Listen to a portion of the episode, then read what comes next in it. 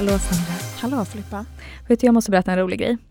Idag så har det varit jättesoligt ute Mm. och jag har eh, varit ute och fikat med några klasskompisar. Mm. Varav då en av mina klasskompisar och en nära vän hade köpt en liten present till mig. Mhm. Ett diabetessmycke. Jaha. En liten ängel. Där då pengarna för de här smyckena går till Barndiabetesfonden. Gud vad gulligt. Och det gjorde mig jätte, jätteglad. Ja. Och så fint smycke. Så det är verkligen tips till alla. Den sitter på min nyckelknippa nu. Mm. Och bara på tal om det så har vi ju en gäst med idag. Ja, Aha. precis. Gud vilket snyggt inledande Ja, och vilket läge av din kompis Eller att eh, hon hur? köpte den. Just eller gav idag. idag. Ja. Ja. verkligen. Det var sån timing. Ja. Vi har ju ingen mindre än Sandra från Barndiabetesfonden idag. Ja, Ja. hej. Trevligt att ha dig Exakt. här. Jättekul att vara här. Verkligen. Och vad härligt att höra att du fick ett sånt smycke. Ja. De har vi ju sett också. Ja. Mm, Ja. Jättefina. Jättefina, Mm, verkligen. Ja. Och vad jag har förstått är de, är de handgjorda. Nu har jag inte hunnit researcha så mycket på de här smyckena. Men hur som helst jättefina. Ja. Verkligen tips Ja. där ute. Ja, och det här blir lite idag starten av vårt samarbete med Barndiabetesfonden som vi är otroligt stolta över men också väldigt glada över att få göra. Så det känns jättekul att ha dig här Sandra. Ja men verkligen jätteroligt att ni vill ha oss här och för mig är det också jättekul att få träffa er eh, på riktigt. Jag har ju lyssnat på er podd eh, en hel del. Så det är verkligen jättekul. Ni gör ett superbra arbete ni också. Tack. Och kul också för mig att någon, en till Sandra här. Eller, ja, precis. Ja, Sandror. Ja. Härligt. Förvirrande. ja, exakt. ja. Mm. Och du jobbar ju på Barndiabetesfonden. Precis, jag jobbar på Barndiabetesfonden. Jag började där i juni ehm, och jobbar med insamling och vårt varumärke framförallt. Mm. Sen får man ju göra väldigt mycket mer också eftersom vi inte är så jättemånga där. Mm. Vi brukar säga att vi är mellan 68 personer ungefär, lite Mm. beroende. Så att, eh, vi måste alla ta i, det är lite som att jobba på en startup. Att Man, liksom, ja, där det behövs, där tar man i. Mm, Det- exakt. ja. Men insamling är ändå min, eh, det, liksom, det viktigaste. Ja. Mm. ja, för det känns ju som att ni är ganska få för ett otroligt jobb. Precis, Ja. så att, eh, jag har en bakgrund från Cancerfonden och Röda Korset Mm. och lite andra ställen. Jag har även bott i USA och jobbat med fundraising. Mm. Ehm, och har då ju haft ganska helt andra muskler när det kommer till att få ut, alltså det kostar ju pengar att samla in pengar. Mm. Ehm, så att när man jobbar med marknadsföring och liknande kring liksom kampanjer och sånt där så har jag jobbat med mycket större budgetar och alla vet redan vad Cancerfonden är och vad Röda Korset är och så vidare. Så att när jag eh, jobbar på Barndiabetesfonden så har vi lite andra utmaningar. Mm. Ehm, men det är ju eh, liksom, det är ju väldigt mycket mer eh, intressant för mig att arbeta också med en sakfråga eftersom jag själv har typ 1 diabetes. Ja. Ja. ja, jag tänkte precis säga det. Du gör ju också ett väldigt genuint arbete på det sättet att du själv lever med diabetes. typ Precis, precis. Mm. Mm. Hur länge har du haft diabetes? Ehm, så jag är 43 år, jag har haft det sedan jag var 9 år, Ja. så ganska många år. Mm. Ehm, man har gått igenom många faser i livet. Mm. Ehm, ni är några år yngre, jag, jag har även hört att alltså, det är en av er som har eh, barn Mm. Ehm, och det är en sån fas i livet också man går igenom. Så att först är man ju liten, Mm. kanske inte så liten som ändå många föräldrar, är, vi har ju många föräldrar som följer oss och, och donerar pengar ehm, som har små barn med typ 1 diabetes. Jag var ju inte så liten. Nej. Ehm, men eh, nio år, ni vet ju, det är ju Mm. liksom ändå, man, jag, var, jag tror att det var helt okej ålder Mm. att få den i, det var väl den vanligaste åldern sa man då. Mm. Mm. Ehm, och sen så har man gått igenom alla stadier i livet som tonåring, när man inte vill veta Mm. av eh, sjukdomen. Mm.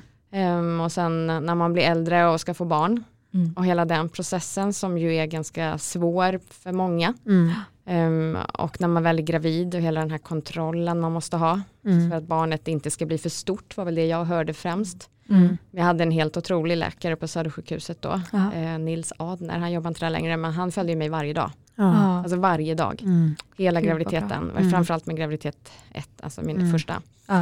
Ehm, och sen efteråt också. Mm. Vilket var helt otroligt. Ehm, så att, eh, och sen efter när man har fått barn så börjar man ju bli, liksom, då är man ju förälder. Mm. Ehm, och man, ja, man ska alla utmaningar som är liksom att sockret bara faller och faller och faller Ja. och man ska gå med barnvagn och eh, hela den biten som är superkomplicerad tycker jag. Mm. Som man inte hörde hört någonting om Nej. innan. Verkligen Nej. ingenting hade, kunde jag. Mm. Ehm, och sen har man ju, nu har jag tonårsbarn kan man säga då, en 14-åring och en 11-åring hemma. Mm. Och jag har mycket mer tid för mig själv och kan Mm. liksom träna och tänka på min hälsa på ett annat sätt och Mm. hela den biten. Så att man, har liksom, man går ju igenom olika faser med sin diabetes. Mm. Mm. Um, så, men ja. Mm. Ja, verkligen. Och vi har ju pratat mycket graviditet här i podden i och med Felicia som har eh, fött barn nyligen ju. Mm. Och det, nu har inte du och jag Sandra någon erfarenhet av det, men av det man har hört henne och följt henne under den tiden att gud vilket arbete, Mm. alltså otroligt. Sen kanske det såg olika ut liksom, eh, ja men hur riktlinjer, alltså jag vet inte hur, när du var gravid och hon Mm. var gravid, men samma, samma Ja. jobb såklart. Ja, Mm. framförallt så är det väl att man först blir varnad om att man måste ligga så himla perfekt i blodsocker innan, vilket jag inte gjorde. Nej. Ehm, och jag hade också inställningen av att, för jag kände ingen, jag har nästan aldrig känt någon med, med typ 1 diabetes. Nej. Alltså jag har varit väldigt, väldigt, eh, liksom, känt mig egen. Mm. med den här att man har den sjukdomen. Det är inte så att jag dolt det, Nej. men jag har känt mig väldigt, liksom, finns det ingen annan där ute, ungefär så. Mm. Ehm, och när man då skulle bli gravid så tänkte jag att det kommer inte gå. Nej. Alltså jag har ju en sjukdom, det kommer aldrig gå. Mm. Men sen hade jag turen att bli liksom, gravid när jag ville bli gravid. Mm. Och då hade jag tyvärr inte tänkt så här lika mycket på mitt blodsocker som jag borde ha gjort kanske. Men så mitt första barn blev 4,5 kilo vilket är ganska stort då. Så Mm. det var väl därför kanske. Mm. jag vet Ja. inte. Ja. Men jag fick så mycket varningar och läste så mycket otäcka saker medan liksom alla sa så här, det första man möts av på sjukhuset det är ju så, har du inte, vilket HbA1c har du egentligen? Liksom, Ja. när man, nu kommer inte jag ihåg exakt vad jag hade då men det var väl för högt. Mm. Och så gick allt bra ändå. Mm. Och det är liksom ändå, ja, man måste tro på sig själv också. Att man ändå, för jag, så snabbt ställde jag om när jag väl var, blev gravid. Ja. Alltså Mm. det var verkligen skarpt läge. Ja. ja, precis. Eh, och sen har man ju perfekt blodsocker, Mm. eh, typ, alltså inte perfekt men det är ju Mm. hela graviditeten. Mm. Men det är ju den där dagen när man föder Mm. och sen efter det så sjunker ju blodsockret. Alltså Mm. som, man behöver typ inte insulin. Nej. Man är bara ute och går med en liten bebis Mm. som ska ammas. Och liksom. Så sen dess har jag börjat bli mycket mer, jag har med mig typ tre juicer vart jag än går fortfarande. Mm. Ja, Okej. Så någon så här konstig känsla av att det bara kommer någon gång falla. Men det gör ju inte det längre. Men just Nej. det där första året Mm. när man var bra. Och jag vill bara liksom, just att en av er har, inte Mm. ni som är här, men alltså att man ja, har en bebis hemma. Mm. Kanske är många fler som lyssnar som har, lever i den tiden. Verkligen. Det, ehm, det är just den här när man ammar, ut och gå, tar med extra mycket. Du, man vet inte, eh, liksom, det faller och så faller det igen och så faller det igen. Mm. Ja. Och så har man sin lilla bebis där som Ja. bara, alltså min rädsla var att barnvagnen bara skulle åka iväg. Mm. Ja. Och liksom, Gud, såklart. Vem vet vem jag är då ute Ja. på stan och sådär. Mm. Den känslan. Nej, det är Mm. klart. Mm. Och Ja. det är klart när man har ett spädbarn också, då kanske man sätter sig själv lite i andra hand. Såklart, för man har, kanske har en, ett barn som gråter och den måste ha mat och det är liksom mycket hela tiden. Mm. Att man kanske inte riktigt Ja. hinner tänka på en perfekt kurva fortfarande. Alltså, sådär Mm. och det kanske... Absolut inte, det tänkte jag inte Nej, så mycket nej, på första precis. tiden. Nej. Nej. Nej. Man ville bara liksom överleva på Ja. något sätt och känna Mm. att det går. Och det är Mm. just det att det bara, det blev så, jag var, låg på två i blodsocker så ofta om Mm. man gud. står med en bebis så. Så att det var ingen som hade sagt det. Nej, till mig. nej. Ingen innan Nej. liksom, att det tar så mycket att amma. Mm. Men det är det här som är så intressant och just nu står det ju oss också närmre, eh, ännu närmare för dig Filippa såklart som är syster till Felicia, men Mm. att ha varit i närheten av det Mm. eh, för oss som har diabetes har kunnat liksom se allt det hon gick igenom både innan, eh, under, efter och allting sånt. Men också att det här ämnet är ju verkligen, precis som du är inne på, att du hade ingen aning om de här Mm. grejerna. Mm. Det pratas så lite om just graviditet och diabetes Mm. och vad det innebär och även det här att man ska ligga bra innan man blir gravid. Ja. Jag hade ingen aning Nej. förrän vi hade med barnmorska här som jobbar med just det, men också då när Felicia Mm. gick igenom sin graviditet. Mm. Mm. Hade absolut ingen aning. Och det märker man också på våra lyssnare, att det uppskattas ju otroligt mycket när vi pratar om det. Mm. Ja. För det finns inte så mycket information. Nej, alltså det är ju dels att man börjar prata mer om typ 1 diabetes och sådana, att ni har en sån här podd, det är helt fantastiskt. Ehm, det fanns inte, jag, väl, jag vet inte, sociala medier fanns ju inte på samma sätt då heller, så det är väl det också. Nu kanske man hittar information lättare. Mm. Men det, ja, det var väl en, en sån sak som jag kände just när jag hör, har hör, lyssnat lite på era poddar och innan, att, att eh, åh, det där kände jag igen mig. Den här Mm. perioden som Ja. var så eh, farlig Ja. faktiskt, Ja. Mm. eh, på många sätt. Mm. Men eh, så att man bara, lite tips, ta med er massa druvsocker och så- juice och vad man nu tycker Mm. är bra för, sin, för sitt blodsocker. så, eh, så att man kan få upp det fort. Mm. Ja. Mm. Exakt. Ja, jätteviktigt att prata om. Mm. Och också många som skriver in till oss ju.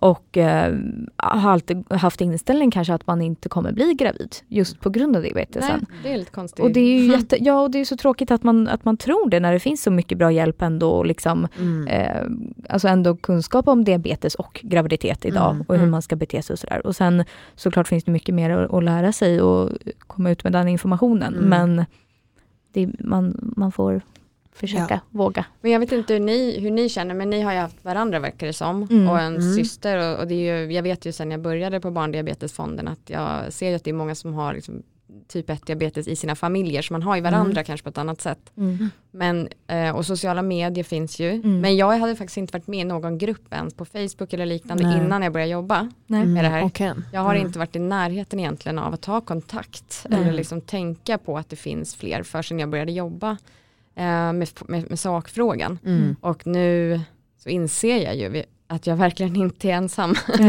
Ehm, och att det finns så himla mycket vi alla måste göra för Mm. att utbilda alla omkring oss. Verkligen. För jag tror att man, ja, man har en sån här känsla av att man ska klara allt. Mm. Trots att man, vi har ju någon extra kämparanda tror jag i oss. Ja. Eh, ja, det känner ni igen i det.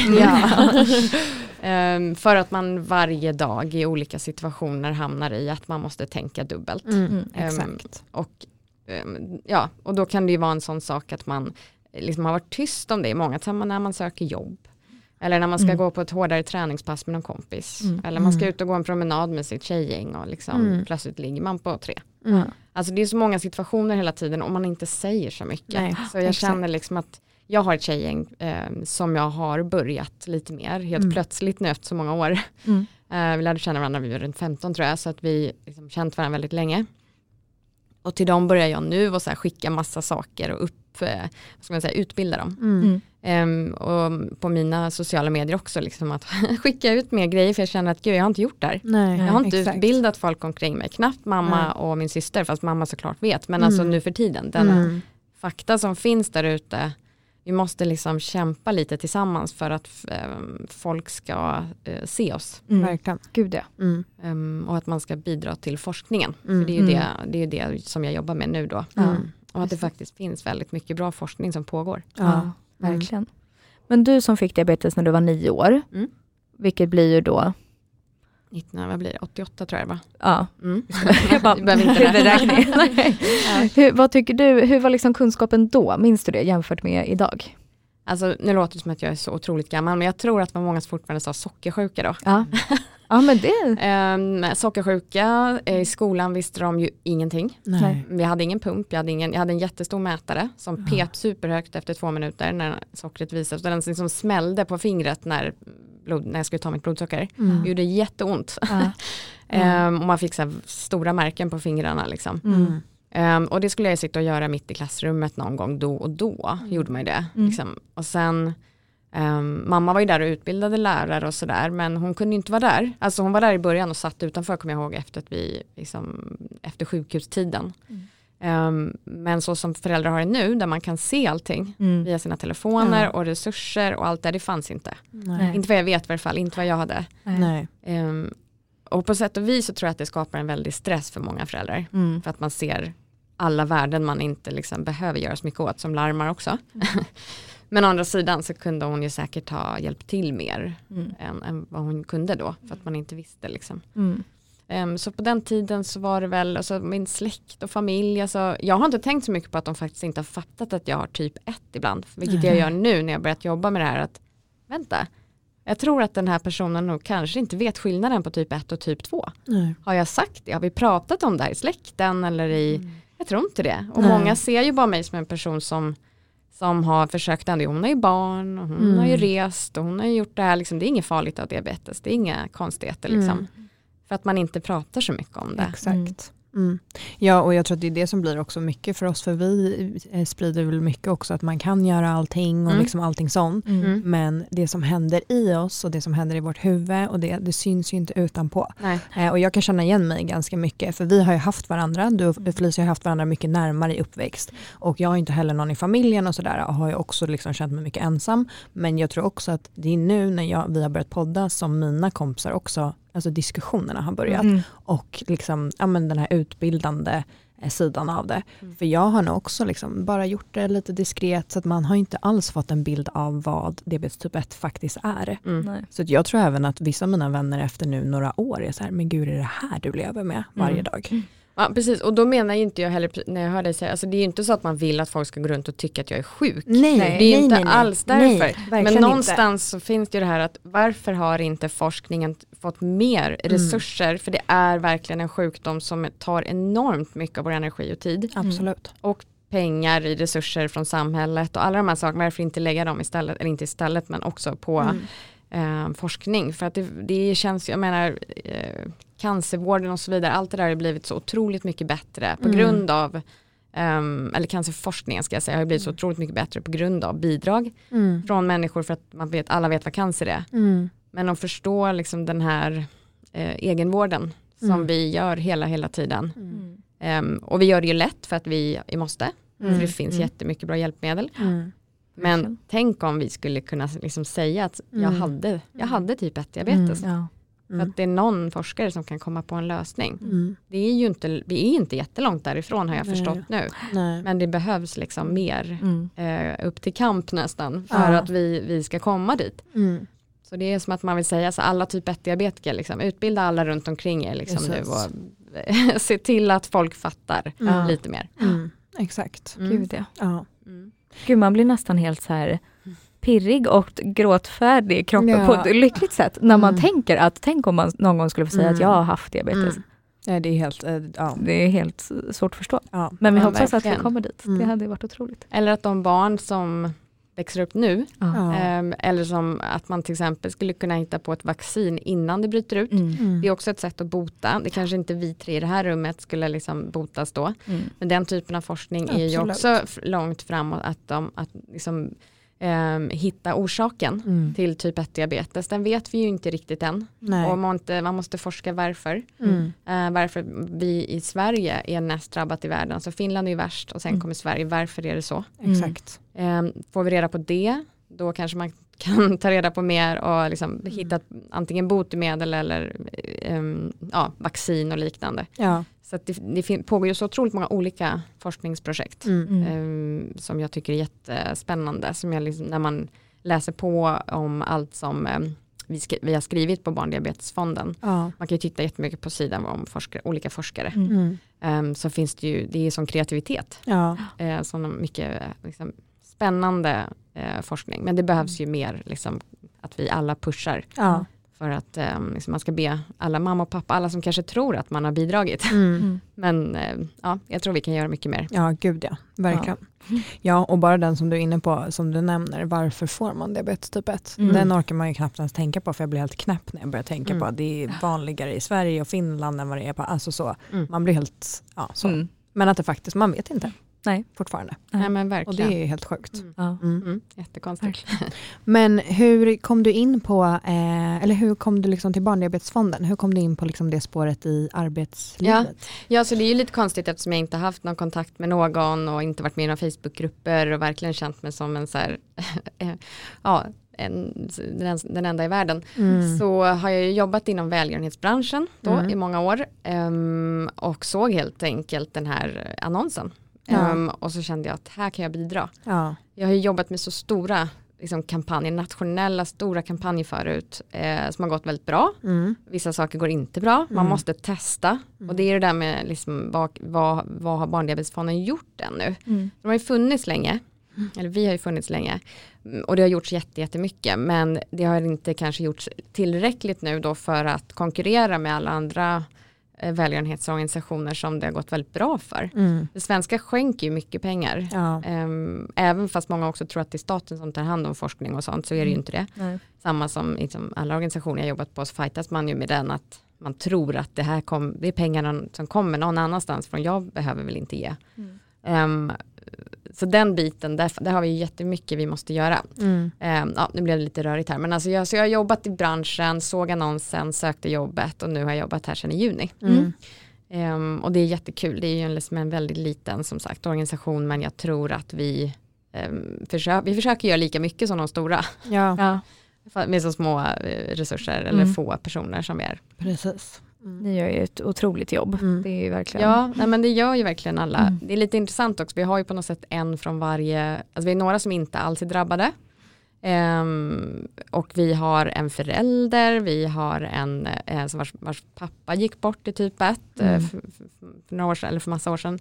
Eh, ja, och vår generalsekreterare som inte är drabbad heller och så Mm. är det jag. Vi kommer också få förstärkning eh, av en annan tjej som börjar snart som också har typ 1. Mm. Um, yngre än vad Mm. jag är. Så Mm. att det är liksom bra att vi har alla olika perspektiv. Mm. Precis, verkligen. Ehm, Och ni är ju de enda som bara fokuserar på typ 1-diabetes. Precis, det är det som, alltså det är så svårt också bara den biten, att det är så Mm. många organisationer i Sverige eh, och, som fokuserar på massa olika saker. Mm. Eh, vem, vem ska bidra, alltså vem, vem gör vad? Men vi är ju den enskilt största finansiären i Sverige för all typ av eh, typ 1 diabetesforskning, Mm. inte typ 2. Nej. Um, och så vi försöker också informera om, om det. Så Mm. att man inte, liksom, att det inte är typ 2 diabetiker kanske tror att de lägger pengarna på fel saker heller. Mm. Sen har vi namnet emot oss då, Barndiabetesfonden. Det är det här man får nästan börja möten med och säga att det finns väl inget egentligen som heter barndiabetes. Mm. Um, fast vi heter det. Mm. Mm, men det kommer inte vi ändra. Nej. eh, så. nej. Men det är liksom jag som jobbar med varumärket då, det blir lite komplicerat ibland. Mm. När man vill Mm. berätta att man kan vara 91 år och få typ 1 diabetes. Mm. Ja. Ja. Eh, Den är ju lite svår, Mm. men eh, samtidigt så kan det också väcka liksom, kanske känslor för någon när man Mm. säger barndiabetesfonden. Mm. Mm. Jo men och jag tänker ju också att, eller så som det var förut så såg man det väl också mycket diabetes typ 1 barn och unga vuxna. Sen idag blir det kanske vanligare också att man kan ju faktiskt drabbas i alla åldrar. Mm. Men att det har varit väldigt vanligt just som för oss alla som sitter här Mm. att man får det i, eh, i barnålder. Liksom. Mm. Mm. Mm. Fick ni den när ni var små? Ja, Filippa var Jag var ett liten. år Mm. Och jag var åtta. Så att, och Felicia var ju tre. Ja. Okej. exakt.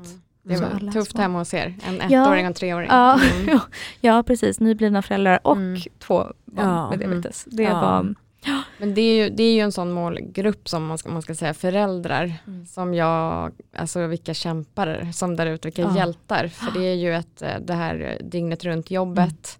Ja, gud det är helt Som- sjukt. ja. Mm. Man själv, vissa, jag vet inte hur ni, men jag känner mina känningar väldigt väl. Mm. Jag har ju också en tandem slimpump. Ja. Det är ju liksom helt otroligt vilket bra blodsocker på nätterna man får den. Mm. Eh, Men att vara förälder och höra alla de här larmen. Ja. Jag kan ju ignorera om jag fattar att jag ligger liksom lite över tio eller vad det är nu jag har ställt in. Mm. Men alltså vakna av alla dessa larm och, och sen gå till jobbet och så är de på dagis eller förskola då när de är ett och ett halvt och Ja. sådär. Så vilket, där har vi några riktiga hjältar. Ja. Verkligen. Det har man ju heller inte förstått förrän man liksom blev tonåring och vuxen att herregud. Mm. Vilka, och då liksom när vi var små också, det fanns inga sensorer och det fanns knappt liksom pumpar som funkade på så små barn i alla fall när jag var liten och då Nej. när du var liten också såklart. Och att de, eh, mamma och pappa ställde klocka om varann och gick upp hela nätterna och kollade blodsocker och liksom Ja. mat ett barn som sover. Alltså det är Mm. inte, inte helt lätt. Men, Nej. eh, Nej men den grejen, precis, ni måste, det har jag också förstått, jag var ändå nio år då, men den här att få i ett litet barn mm, eh, juice eller liknande mitt i natten. Ja. Jag fattar inte ens hur man gör. Nej. Alltså den, den, jag vet ju, jag har ju haft småbarn själv hur det är när de blir sjuka. mm, Mm. Hur, hur man eh, försöker få i dem antibiotika till exempel. ja. Alltså det är ju en kamp. Ja. Eller vad det nu är man ska göra för någonting som man måste göra någon, det känns ju som övergrepp. Ja. Mm. Eh, så jag kan Precis. in, liksom bara tänka mig eller ana hur det är att byta pump i början var det fall på ett barn. Ja. Liksom var tredje dag eller liknande. ja, verkligen. Mm, vi har ju träffat några stycken nu i fot- fotografering häromdagen. Mm. Eller för några veckor sedan. Och då var det ju barn i alla, alla åldrar, en, ett och ett halvt år ändå, som har en likadan pump som jag. Så han går Ja. runt där med en liten midjeväska. Mm. Och så ser man ju Dexcom och sin tandem. Mm. Och det kommer ju vara supernaturligt för honom såklart. Ja. Men att han ska behöva drabbas så liten Ja. och de, för då, vilken omställning för den familjen. Liksom. Mm. Han hade bara haft ett halvår tror jag. Mm. Mm. Ja men Ja, usch, jätte- ja, ja. Och det är det som också berör en själv så himla mycket. Nu är man ju vuxen idag eh, och liksom så. Men eh, att se andra barn få diabetes typ 1, Mm. alltså, det, det finns ingenting som gör mig Nej. mer ledsen än det. Nej, jag Nej. brukar få upp ibland på TikTok en eh, mamma i, jag tror hon, någon från USA, som byter då sensor och pump på sin lilla dotter som är bara några år. Och det, oh, det tar ju i hjärtat verkligen. Ja. Mm. Att det är så liten. Och man kan ju knappt förstå att man själv var där och liksom Mm. ett år och ens föräldrar fick, ena fick liksom hålla i och den andra fick ta sprutan och man Mm. själv liksom grät. Liksom, och, ah. Mm. men vad skulle de göra? Mm. Det är klart. Nej, verkligen. verkligen. Men då också som vi var inne på ännu en del till varför man också vill skänka till forskning och så vidare. För även om det inte är botemedel kan vi förhindra att fler få det. Mm. Alltså det hade varit helt fantastiskt. Mm. Bara en sån grej kan jag känna rädsla för mina barn och barn efter Mm. det. Ja, Alltså men precis. den Så det finns ju- liksom, ja. ja. Det finns ju olika sätt att attackera det på genom forskning. Mm. Det är ju som sagt så här, kan vi bota innan det bryter ut? Om vi får reda på anledningen, alltså det kanske är ett virus som jag har gjort att det bryter ut hos vissa. Mm. Eh, Det kan ju visa sig, precis som hos cancer, eh, så är det också att man kan ha anlag. Då är det en viss grupp och då kan man ju attackera cancern kanske förebyggande. Ja. Operera bort bröst eller livmodern till exempel. Men alltså, skulle vi kunna göra så i typ 1 diabetes att vi vet en viss grupp som kommer eventuellt få det, då kan de få vaccin. Alltså bara en sån, Exakt. vi skulle ju sänka antalet Gud ja. enormt. Otroligt. Ja, det är massa sådana tankar som man sådär, okej vi kommer komma dit. Ja, Ja. Gud ja. Men du måste ju ändå få höra en hel del eh, om forskningar och så vidare. Jag ska inte ställa några detaljfrågor för att du Nej, jobbar inte som forskare. forskare själv. Men jag tänker bara, känner du någonstans, eftersom du ändå jobbar in, eller med det, känner du att du själv får lite hopp när du inser vad som, vad som faktiskt jobbas med? Även om jag vet att vi har en eh, lång väg kvar med pengar och så vidare. Ja, alltså Barndiabetesfondens vision om vi skulle få in ännu mer pengar det är ju att bota diabetes till år 2040.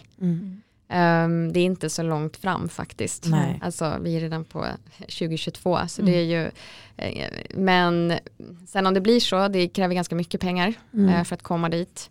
Och, eh, men det är klart det ger mig hopp. Ja. Jag tror inte att jag ens tänkte innan jag jobbade på Barndiabetesfonden att vi skulle kunna bota den här sjukdomen. Alltså, det, jag, på något sätt, man har ju fått insulin och man har fått alla de här hjälpmedlen och man ska leva med det och liksom jag har dykt i, eh, över hela världen, jag har gjort massa saker, jag har fått mina barn, alltså allt har ju funkat och det är så folk ser på det. Mm. Så det är så jag har haft typ 1. Men Ja. sen när man börjar inse det här, att det finns forskning som pågår, det finns kanske ett botemedel framåt, alltså då, ja jag får hopp, Mm. verkligen. Mm. Men det blir också en sån här frustration, för när man jobbar med insamling ehm, så har man ett 90-konto, Mm. eller vi har ett 90-konto, Ehm, och då måste man växa långsamt. Man får inte gå över den här, eh, det finns ju en viss, eh, en viss nivå av pengar som man kan lägga på insamling och liknande och löner och så. Ehm, går, man går man över den kan man förlora sitt 90-konto. Eh, Det gör att vi kan inte anställa liksom, säg fyra personer på en gång som är jätteduktiga på säg, företagssponsring. Ehm, För då, har vi, då går vi över den där nivån alldeles för snabbt. Så att vi, det vi behöver det är ju liksom supermycket resurser utifrån, alltså att, att vi får en- något företag som skänker massa pengar på en gång, då kan vi växa snabbare. Ah, okej. Alltså vi själva kan inte, vi kanske vet vad vi skulle behöva göra för Mm. att samla in mer. Mm. Men vi kan inte för, för snabbt, för vi får inte övergå de här, den här 25% spärren. Okej. Mm. Så det är en, det är en ganska komplex tillvaro. Mm, ehm, och, så det gör att när man gör kampanjer, när man gör kanske nya fotograferingar, vi har ju vi har fyra större nedslag om året. Alltså vi har ju nu, just nu så pågår en, en um, vårkampanj, eller vi kallar det för kunskapskampanj, Mm. där vi försöker öka kunskapen i Sverige om typ 1. vi gör det på lite olika sätt i sociala medier, vi har en liten tv-reklam faktiskt i vissa orter i Sverige. Um, gud, vi har så mycket sociala medier, annonser ute, vi har varit och filmat forskare i Uppsala eh, som varit med och ställt upp och gjort film. Eh, så att vi försöker få ut liksom autentiska berättelser både från forskare och på barn och sådär. Eh, så vi försöker öka kunskapen, just, just, just nu pågår den kampanjen. Så man får gärna gå in och liksom dela våra inlägg och sådär och vara med och försöka, för det är någon typ av, eh, vad ska man säga, det är lite utbildningsaktig, vi lägger upp lite myter till exempel. Mm. Det finns ju ganska mycket myter om typ att, att den växer bort med åren eller ehm, ja, lite sådana myter som, Mm. vi, som vi har skapat sociala medier inlägg av. Ehm, så det är ett nedslag vi gör nu under våren. Ehm, och sen under hösten så har vi barndiabetesloppet. Ehm, ett ganska enkelt sätt att också få med kompisar, eh, familj. Man kan liksom ha, alla kan delta, man kan ju vara med i rullstol eller Mm. springa, verkligen tävla om man känner för det. Det är något för alla. Ehm, och det är, det är en insamlingsaktivitet men det är också en sån synlighetsaktivitet så vi har hjälpt till att sprida ehm, att vi finns Mm. sakfrågan. Och sen har vi ett med Blå knuten-kampanjen som, Mm. jag kallar, eller som vi kallar det, i november runt världsdiabetesdagen. Det är ju vår största liksom, månad när folk verkligen är med och delar mycket på sociala medier och ger gåvor och ja, det händer ju jättemycket Mm. Eh, automatiskt på något sätt också. Eh, det är jättehäftigt att se. Och sen kommer vi in i julen som också är en väldigt stor månad. Eh, så att det är liksom våra största insamlingsaktiviteter. Men utöver det så behöver man ju liksom em, mycket mer. Mm. Och man får, ja, vi får vara försiktiga med pengarna helt enkelt och lägga det på rätt saker och det tycker jag verkligen vi gör. Vi har Mm. liksom mycket, mycket, många bra saker hos oss och skickliga skribenter och allt det här. Så Mm. att vi, vi, har, vi gör vad vi kan, Mm. eh, även fast vi är så få. Mm. Mm. Får man fråga också ehm, om du också själv har känt dig eh, liksom ganska kanske ensam med sjukdomen och så vidare. Hur har det blivit för dig att jobba med eh, diabetes? Ja, jag vet inte, alltså det är klart man blir mer uppmärksam på att man har en sjukdom. Jag tror Mm. min man är ganska trött på mig. Man Mm. håller på liksom, varför börjar prata så mycket om det här ungefär? Eller han tycker väl inte så, men han märker väl att jag såklart pratar mycket mer om det än vanligt. Ehm, och de här Facebookgrupperna påverkar ju väldigt mycket. Mm. Framförallt hur föräldrar skriver i de här grupperna. Liksom. Mycket, vad ska man säga, eh, ja, saker som jag inte har tänkt på. Mm. Ehm, så man, ja, det är klart att jag liksom ser, ser mycket mer än vad jag gjort förut. Mm. Men jag tror inte att jag blir så nedslagen av det. Nej. Utan, eh, jag tycker jag har blivit mer nedslagen av att jag har fått en pump med slang nyligen. För att jag Mm. fick sån otrolig eksem av eh, Omnipod. Ja, okej. Ehm, så att jag bytte till tandemslim och det är ju en slang. Mm. Och det får mig känna mig mycket mer sjuk måste jag säga. Ja. okej. Än att eh, vara uppmärksam på att jag jobbar med sakfrågan. Ja. Det är mycket mer sånt liksom. Mm. Man vet, plötsligt, hur ska man sova med den här, hur ska man duscha? Alltså hela Ja. den här, Mm. den biten jag känner, känner mig mer sjuk. Fast jag kan inte ta bort den för nätterna har blivit så fantastiskt. Ja. Ja. ja, det där är ju verkligen eh, en smaksak. Mm. Jag har ju också pump. Ja. Jag förstår vad du menar. Mm. Men också, jag, jag skulle inte kunna välja bort det med tanke på hur Nej. bra jag ligger. Mm. Eh, Medan du är spruta och Mm. du ligger bra med det. Så det ja. Ja.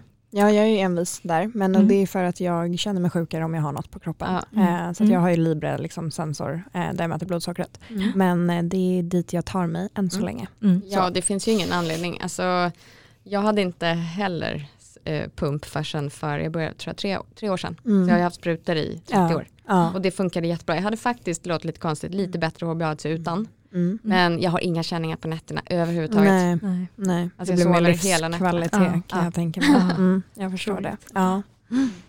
Ja. Men minst, nu, gud, nu går jag tillbaka liksom, Mm. långt tillbaka här. Ja. Minns du något innan och efter diabetesen? Alltså minns du liksom ditt liv innan? Mm, nej, jag minns nog mest när jag blev sjuk. Ja. Alltså att man var så grinig. Ja. Mm. inte så skön person. Ehm, jag vet att vi skulle göra någon skolpjäs och jag var så sjukt sur på alla som var runt omkring. Jag kunde liksom inte vara med. Nej. Och det var väl i den vevan jag mådde väldigt mycket illa och var hemma på morgnarna och mamma var så okej nu får du vara hemma. Mm. Eh, liksom jag kommer ihåg den perioden mer tror jag.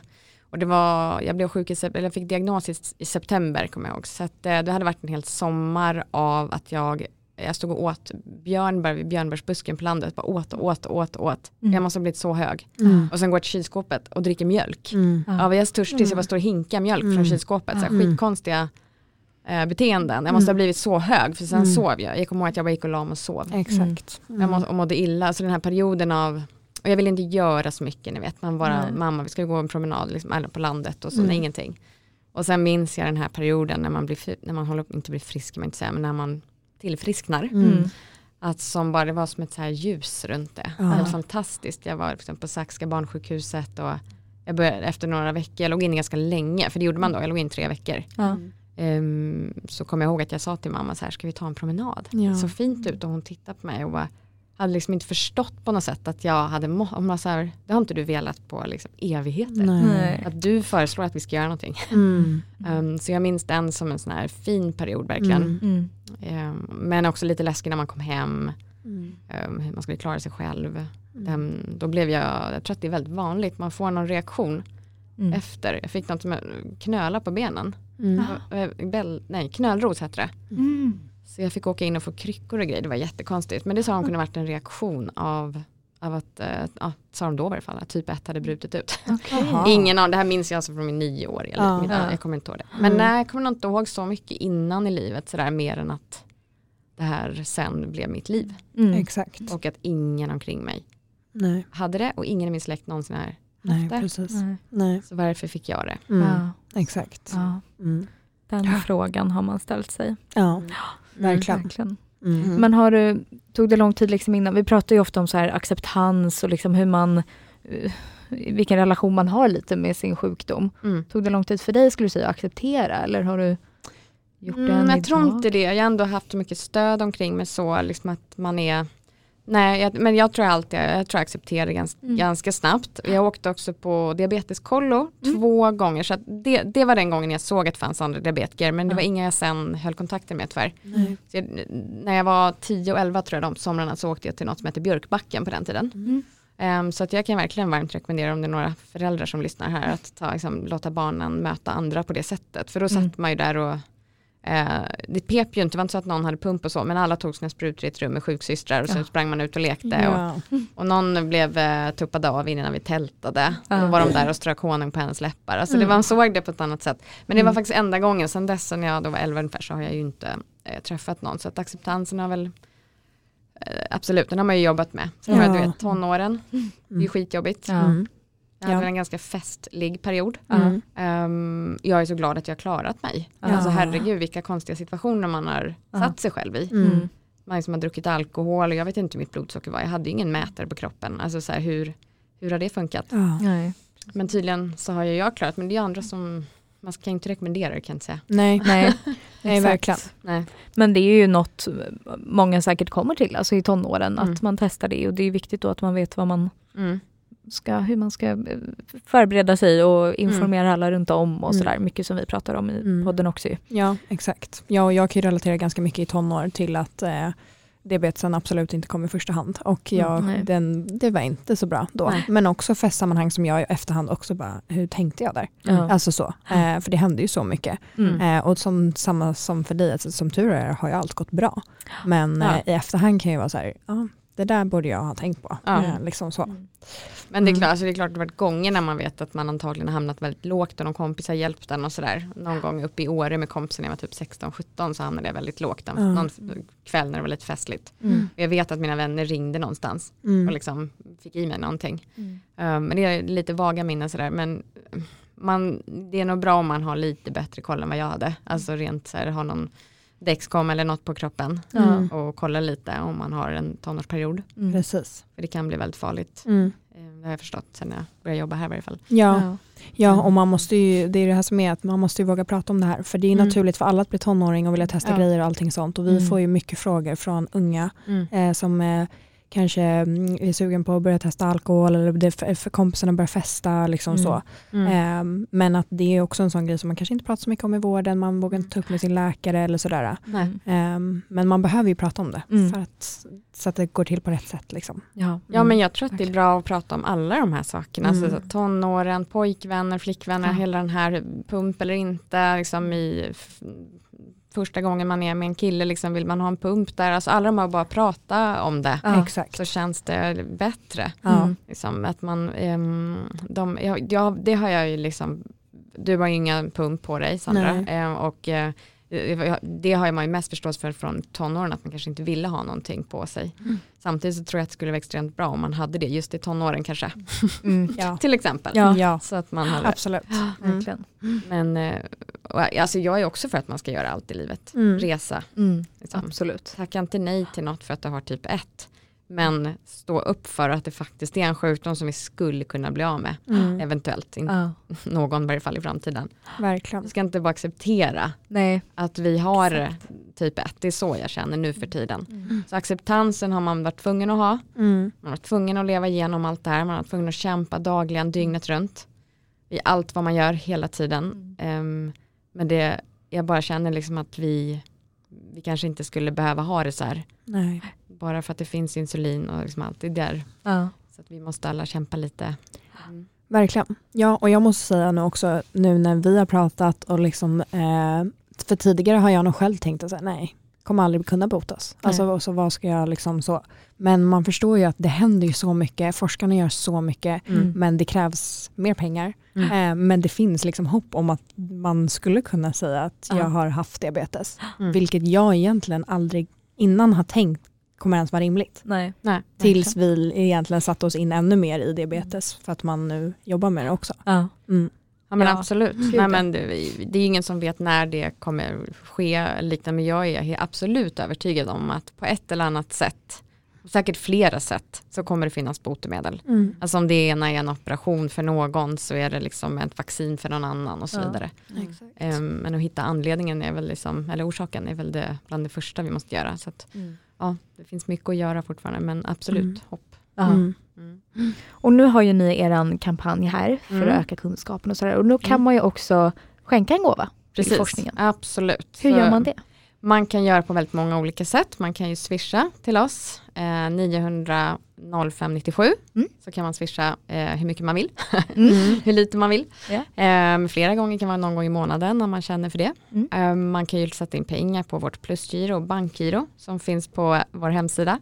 Eh, man kan, om man inte har pengar så kan man ju eh, se till att dela inlägg på sociala medier så att andra kan hjälpa till. Eh, ja, nej men ett annat sätt som man kan göra är om man jobbar på ett företag så kan man absolut gå eh, till HR-chefen eller vem det nu som håller i stålarna så kan man säga kan inte vi skänka julgåvan i år till Barndiabetesfonden. Alltså om man inte själv kanske har krafterna eller liksom så mycket pengar så kan man kanske företaget göra det. Mm. Ens föräldrar som har jobbat längre på ett ställe har kanske mer trygghet och kan be, eller om de själva är chefer. Eh, för julgåvor är något som nästan alla företag nu för tiden ger till en organisation. Så f- försök att se till att företagen väljer oss. Mm. För det är ju en sån sak som, som vi försöker jobba med. Men det är alltid lite svårt med just typ 1-diabetes. Man inte förstår allvaret.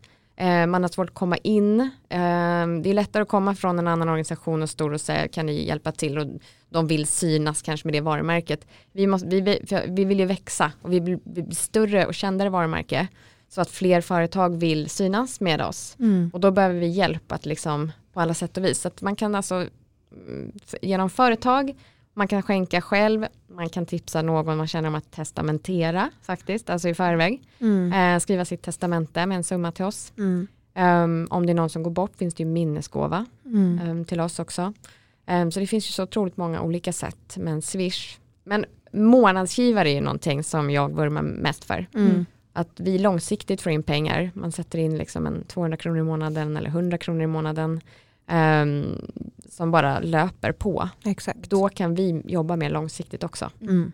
Ehm, om vi vet att det finns liksom, det, det kommer att komma in pengar. För det är alltid svårt när vi ska jaga alla de här småsummorna eller vad man ska säga. Mm. Det tar ju tid och kraft och liksom vi ska varje gång ut med någon kampanj. Precis. Men månadsgivare är någonting som, ehm, som jag hoppas att det kommer att att liksom komma in fler som vill, Mm. som vill bli. mm. Och det är också det där man ska förstå att bara, vi heter ju Barndiabetesfonden men eh, det är inte så att bara för man fyller 18 att man ska gå även någon annanstans utan vi är de som är inom typ 1 diabetesforskning så att Mm. man ska fortsätta att vara ehm, fortsätta att ge till oss helt Ja, enkelt. Mm. Precis.